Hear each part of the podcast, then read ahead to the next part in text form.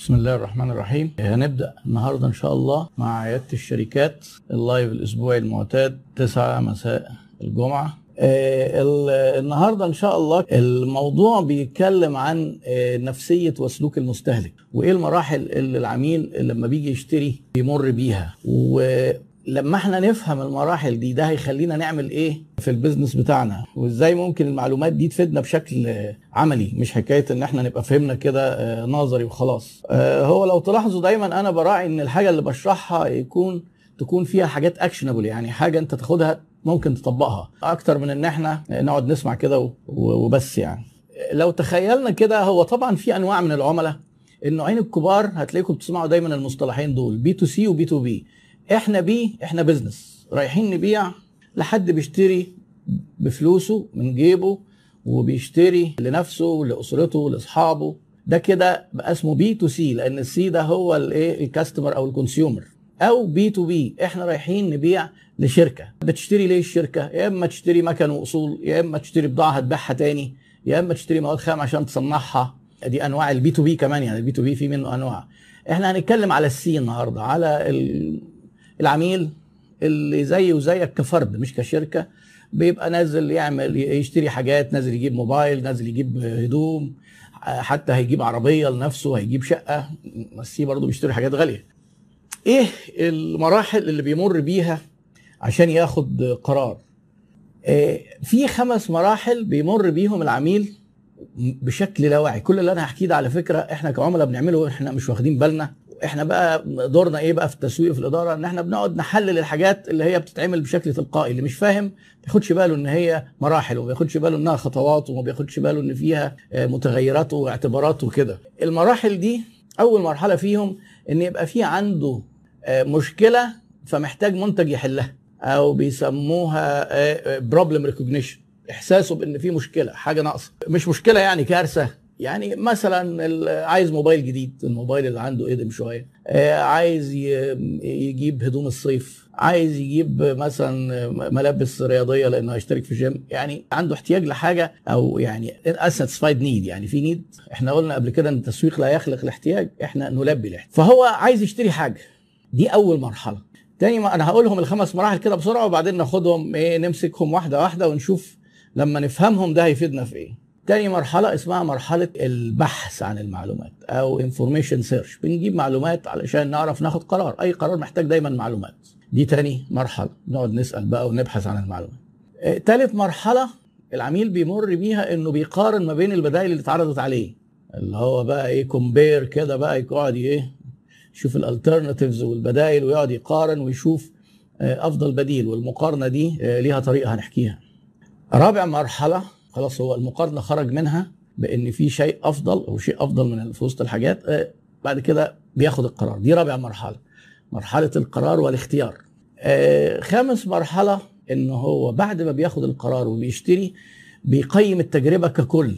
هو إيه الأخبار؟ هل هو فعلا حصل على شيء كويس؟ خد قيمة فعلا زي ما الشركات ال- أو زي ما الشركة اللي كانت بتديله وعدته ولا لا؟ اللي هي دي يبقى اسمها مرحلة بقى ال post purchase ما بعد الشراء.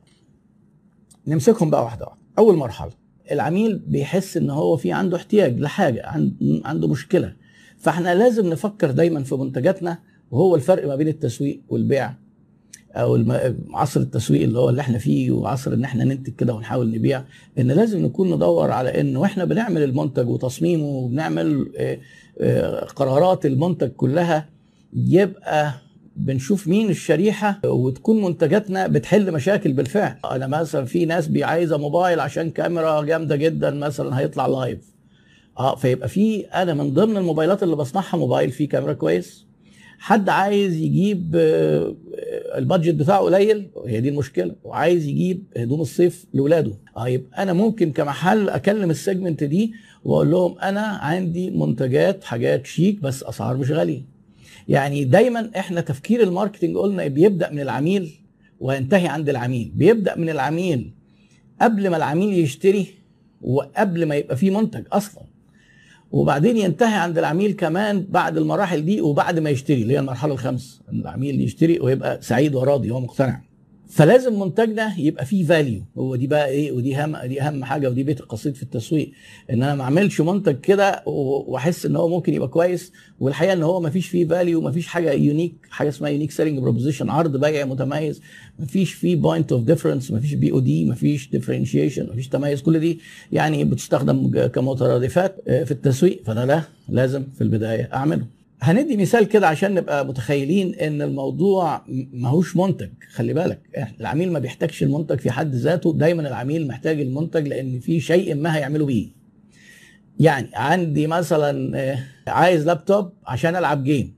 غير إن أنا عايز لابتوب عشان أنا بذاكر وفي الكلية بيطلبوا مني حاجات وعلى النت. غير إن أنا عايز لابتوب علشان غير إن أنا عندي لابتوب لأن أنا بعمل بيه حاجات في البيت شغلي وحاجات زي دي. يعني ما فيش حاجة اسمها أنا عايز لابتوب فإيه؟ في عندي مشكلة بيحلها المنتج عايز موبايل مهتم بالكاميرا. عايز موبايل؟ لا ده الموبايل أنا عندي يهمني جدا السرعة. بستخدم عليه applications وساعات في ناس بيعملوا بقى حتى even بقى وصلت لل video editing وحاجات زي كده على الموبايل.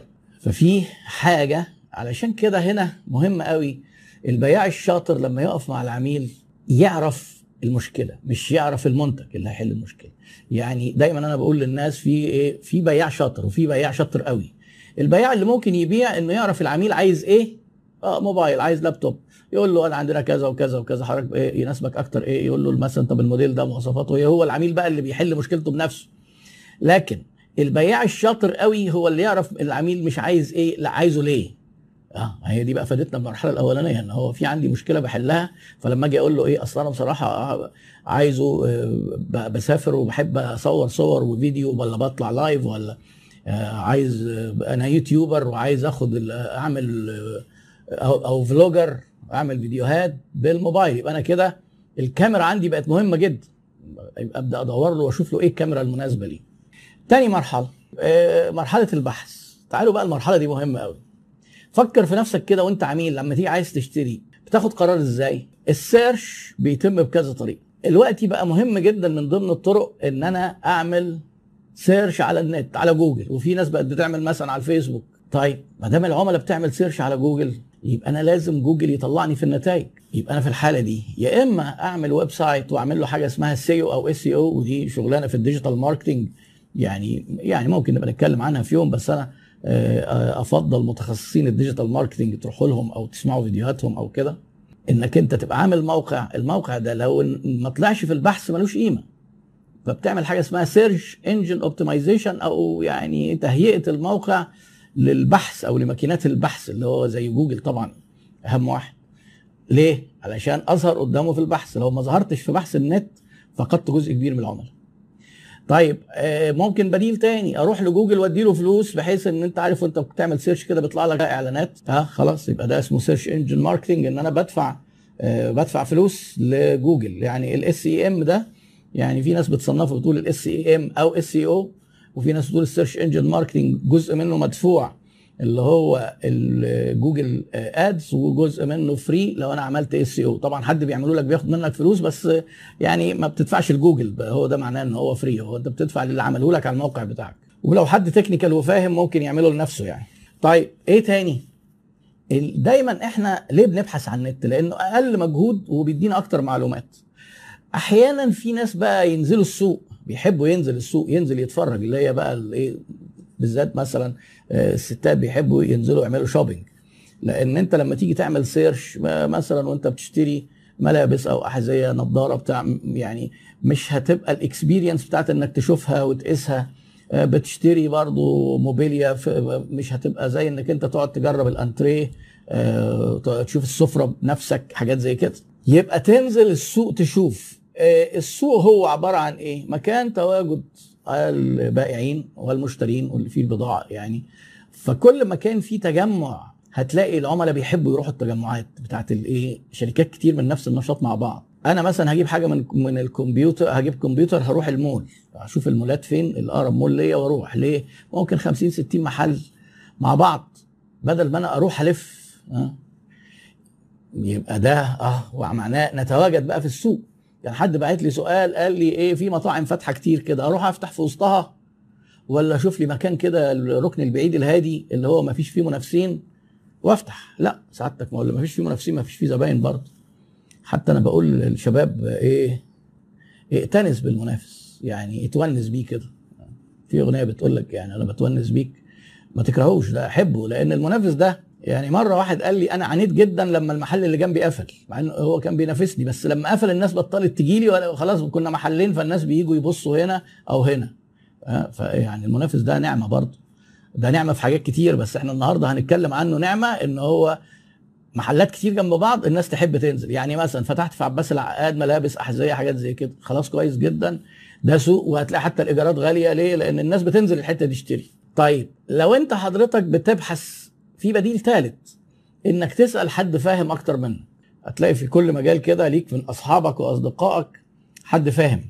إيه هتشتري بقى كمبيوتر وأنت مش شاطر قوي في الحكاية دي تسأل في الكمبيوتر الاخبار عربية تقول له إيه؟ آه إيه رأيك والعربيات وإيه أفضل؟ طب ما تنزل حتى معايا. يعني ده اسمه الإنفلونسر اللي هو المؤثر على القرار. ده أنا ممكن آخد رأيه بالتليفون ممكن أدردش معاه ممكن إيه لو صاحبي قوي أقول له بقى لأ خلاص بقى ده أنت لازم لازم تيجي معايا. ففي مرحلة البحث إحنا يا إما بنبحث عن النت فنبقى موجودين على النت بقى بأنواعها لأن برضه ال social media ونبقى موجودين على إنستجرام حسب بقى الشريحة بتاعتنا ونبقى موجودين في السوق. ممكن محل في السوق لو أنا بستورد يبقى أنا بدي لموزع في السوق وسمعتي تبقى حلوة سمعتي تبقى كويسة. عشان لما يجي واحد يقول لي إيه أنا معروض عليا منتج بقول له إيه رأيك في الشركة الفلانية؟ ده أنا ده أنا سامع إنهم كويسين. لا لا. الشركة دي على فكرة ما تتعاملش معاها. ده مين اللي بيقول؟ المؤثر على القرار الانفلونسر اللي أنا سألته.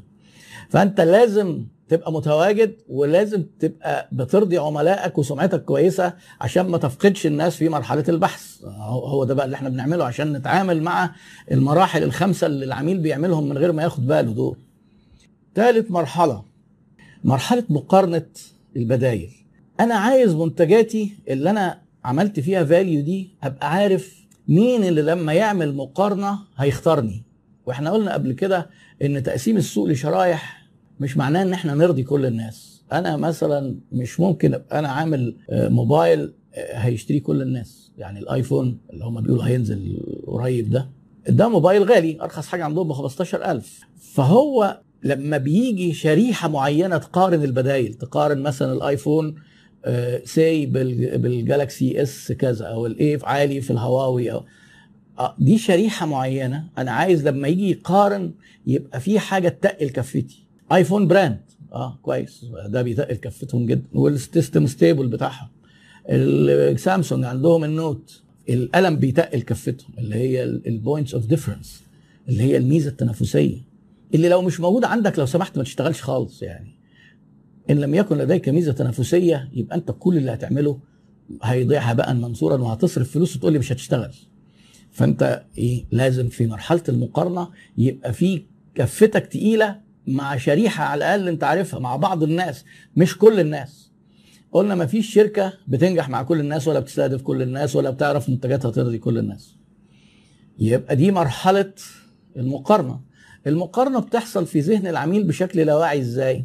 بيشوف إيه هي المشكلة ويدور على أفضل حل ليها بأقل تكلفة ممكنة مش بأقل سعر. يعني اللي رايح يجيب لابتوب مثلا أو يجيب جهاز Mac Pro معرفش إيه ب ألف جنيه ده مش بيسترخص خالص ولا بيدور على أقل سعر. بس هو لو لقى مثلا واحد بيبيع نفس ال Mac Pro ده ب 95 خلاص هياخد منه. ما تجيش تقول لي طب ما في كمبيوترات Windows قوية وبتاع ب 30 أقنعه بقى. لا مش هتعرف تقنعه. ال segment الناس اللي عايزة تشتغل مثلا Final Cut اللي عايزين يشتغلوا حاجات application على ال Mac بس دول هياخدوا ال Mac خلاص ده خلص. فهو عايز ال Mac بأفضل سعر لل Mac وهو متقبل ومتوقع إنها تبقى غالية. ما تجيش تقول لي لا بقى خلاص ده كده إحنا لو رخصنا هنضرب الناس دي. لا ال value داخل فيها عوامل والعوامل دي بيتحط قدامها السعر مش أقل سعر كمطلق كده. الناس عايزة أقل سعر. دي طبعا دي خرافة إن الناس عايزة أقل سعر. لا الناس مش عايزة أقل سعر. الناس عايزة حل المشكلة بتاعتهم ممكن تبقى أنا ممكن المشكلة مثلا بتاعت عميل إيه؟ أنا كده ما ينفعش أبقى مثلا ساكن في شقة وأصحابي كلهم في فيلل. مثلا ما دي مشكلة في في الهرم الاحتياج حاجة اسمها تحدي الاحتياج إلى تقدير الذات.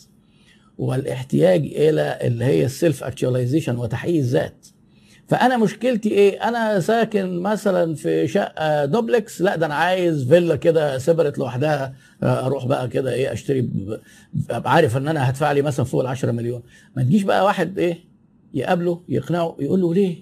تعالى ده عندنا شقق 150 متر زي الفل وهتوفر وهاخد منك مليون والتسعة دول تشوف هتعمل بيهم إيه. يبقى أنت كده مش فاهم احتياج احتياج العميل ده ولو انت ما عندكش احتياجه ما تضيعش مجهودك معاه اولا وما تفقدش مصداقيتك معاه لأنه ممكن يعرف واحد صاحبه يجيبه لك. لما انت تيجي تقول له لا اللي انت بتفكر ده مش مظبوط وت... وتسفه كلامه انت خسرت اللي ممكن حد حتى يجي لك من من وراه يعني أو أو عملاء تانيين فيبقى انت عارف حضرتك المقارنة بتتم إزاي وعارف إيه الحلول اللي انت بتديها وعارف الناس هتلاقيك إزاي في مرحلة البحث وعارف لما يجوا يقارنوا آه إزاي كفتك هتبقى تقيلة اللي هي في مرحلة ال comparison بقى اللي هي مرحلة المقارنة وال evaluation والتقييم والكلام ده.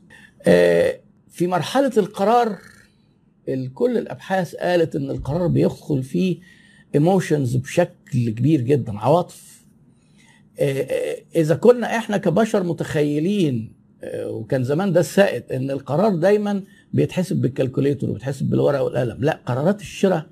في بقى الناس اللي عملت دراسات في علم النفس وقال لك إن في عندنا عقل واعي وعقل لا واعي أو بيقولوا system 1 و system 2 system 1 ده السريع بتاع العاطفة وبعدين system 2 بيجي هو اللي بيحط منطق للعاطفة. يعني مثلا أنا قعدت دخلت كده شقة ولقيتها جميلة وال view كويس وبتاع. وبعدين سألت لقيتها غالية. وبعدين دي بعيدة. عن شغلي. فأقعد بقى إيه العاطفة بتاعتي بتقنع العقل هو الواعي اللي بيقعد يفكر ويحسبها ويضرب ويقول لك لا لا بس المكان يستاهل.